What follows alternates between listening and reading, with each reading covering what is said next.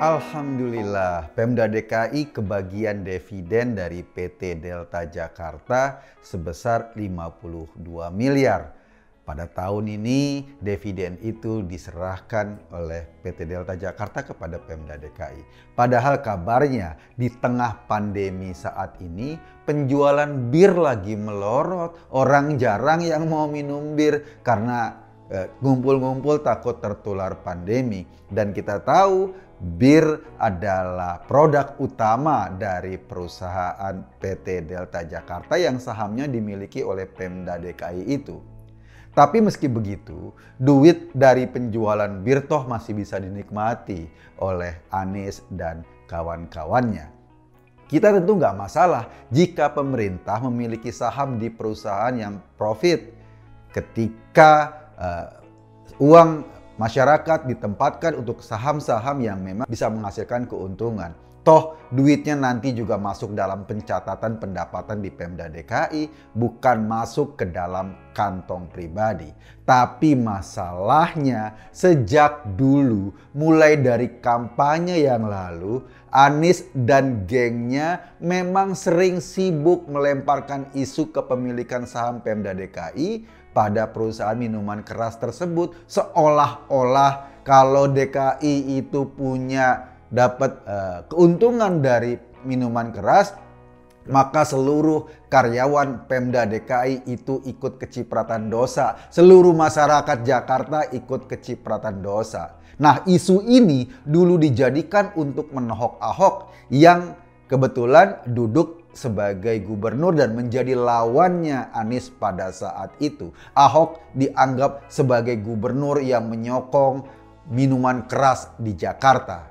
Makanya dalam salah satu janji kampanye Anies Sandi pada saat itu mereka berkoar-koar akan menjual seluruh saham milik Pemda DKI di PT Delta Jakarta. Maksudnya apa? Maksudnya katanya agar nggak ada lagi uang dari penjualan bir dinikmati oleh gubernur dan jajarannya, dinikmati oleh karyawan Pemda DKI atau dinikmati oleh masyarakat Jakarta. Kita ingat dong, waktu itu Senator Fahira Hidris sebagai pendukung Anies nomor satu sering kali sesumbar bahwa jagoannya ini nih pasti akan melaksanakan janji kampanyenya menjual seluruh saham PT Delta Jakarta dan melepas bukan lagi Pemda DKI tidak lagi memiliki saham di perusahaan bir. Tapi ingat sampai 2021 sepertinya janji Anies hanya tinggal janji. Ia toh nggak begitu serius juga memenuhinya. Sebagai catatan nih ya, Pemda DKI memiliki 23,34% persen saham di PT Delta Jakarta. Lalu jumlah itu bertambah dengan penggabungan saham milik BPIPM sebesar 2,91. Artinya saat ini total saham Pemda DKI di perusahaan PT Delta Jakarta sampai 26, eh, sekian persen lah. Hampir sepertiganya. Dan untuk mewujudkan janji kampanye seperti yang di gembar-gemborkan pada kampanye lalu seperti yang digembor-gemborkan oleh Fahira Idris sampai sekarang. Janji itu nggak juga terrealisasi. Dan ujungnya tahun ini 52 miliar dividen dari PT Delta Jakarta masuk ke kantong Pemda DKI. Kayaknya ya waktu itu Anies sedang jadi sales yang kerjaannya bawa brosur ia cuma manis saat memprospek customer. Tapi begitu duit customer sudah masuk, terus pura-pura bego. Entahlah, apa benar hanya pura-pura doang kita nggak tahu.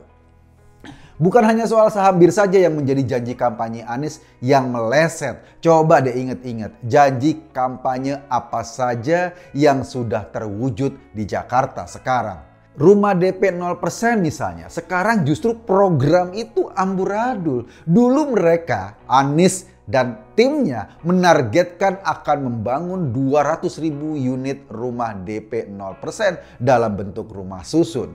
Eh, sekarang menjelang akhir masa jabatannya, target itu direvisi hanya mau membangun 10 ribu saja. Dan sialnya 10 ribu juga belum kesampaian.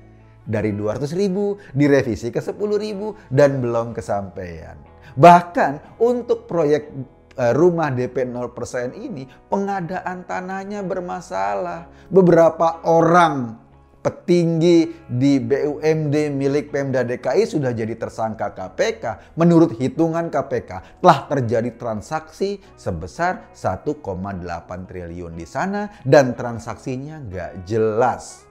Jadi program DP rumah 0% memang benar-benar nyaris nol hasilnya. Ada lagi program OKOC. Ingat dong, dulu OKOC kayak mantra dukun yang di mana-mana selalu disembar-semburkan. Apalagi pada saat kampanye. Di sini oke, di, di sana oke, OC gitu loh. Coba lihat sekarang, apa hasilnya? OC enggak, apalagi oke. Iya sih, yang bawa ide itu itu adalah Sandiaga Uno sebagai wakil gubernur pada saat itu. Tetapi tetap saja itu kan disampaikan oleh pasangan Anies Sandi kalau mereka terpilih mereka harus melaksanakan janji kampanyenya. Siapa pun yang bawa tetap tetap jadi satu. Masa mentang-mentang wakilnya mundur, lalu janji kampanye begitu saja dilupakan, keleleran dan gak jelas. Ingat nggak? Masih ada nggak sih OKOC sekarang? Kayaknya udah nggak ada deh. Ada lagi program kepengurusan uh, soal kali-kali di Jakarta. Ahok dulu membereskan kali di Jakarta dengan cara melakukan normalisasi. Normalisasi itu maksudnya kali-kali di beton pinggiran kanan kirinya, dikeruk kedalamannya, dikasih jalan jalur inspeksi di kanan kirinya agar lebih aman. Anies datang menolak normalisasi. Ia mengajukan konsep naturalisasi. Ngapain di beton? Itu nggak natural. Biarkan saja tetap jadi natural. Tentu saja sambil menyindir-nyindir langkah Ahok ketika dia melakukan uh, normalisasi di Jakarta. Ahok sudah memberesi sekitar 16 km dari 31 km kali-kali di Jakarta. Tapi seperti biasanya, Anies ya cuma ngomong doang. Bertahun-tahun ditungguin, nggak satu meter pun kali di Jakarta yang disentuh dengan program naturalisasi. Ini kan cuma manis di bibir, nggak ada. Dan ujung-ujungnya, khayalan Anies emang nggak bisa diwujudkan di Jakarta. Cuma menghayal doang, wujudnya pahit.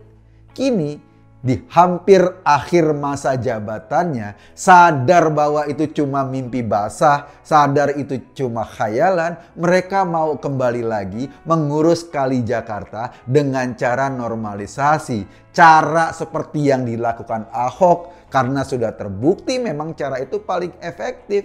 Ini kan kayak orang menjilat ludahnya sendiri.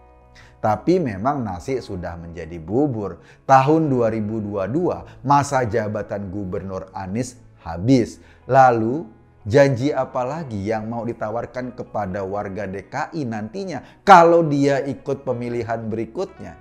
Dulu sih masih ada janji lain. Pemilih Anies dijanjikan masuk surga karena kalau pemilih pemimpin yang non muslim itu katanya ancamannya neraka. Nah, Janji ini yang susah membuktikannya. Sebab orang yang udah meninggal ketika di WA isinya cuma centang satu. Nggak ada jawaban. Ini memang susah membuktikannya. Saya cuma mengajak Anda berpikir, kesimpulannya terserah Anda. Terima kasih.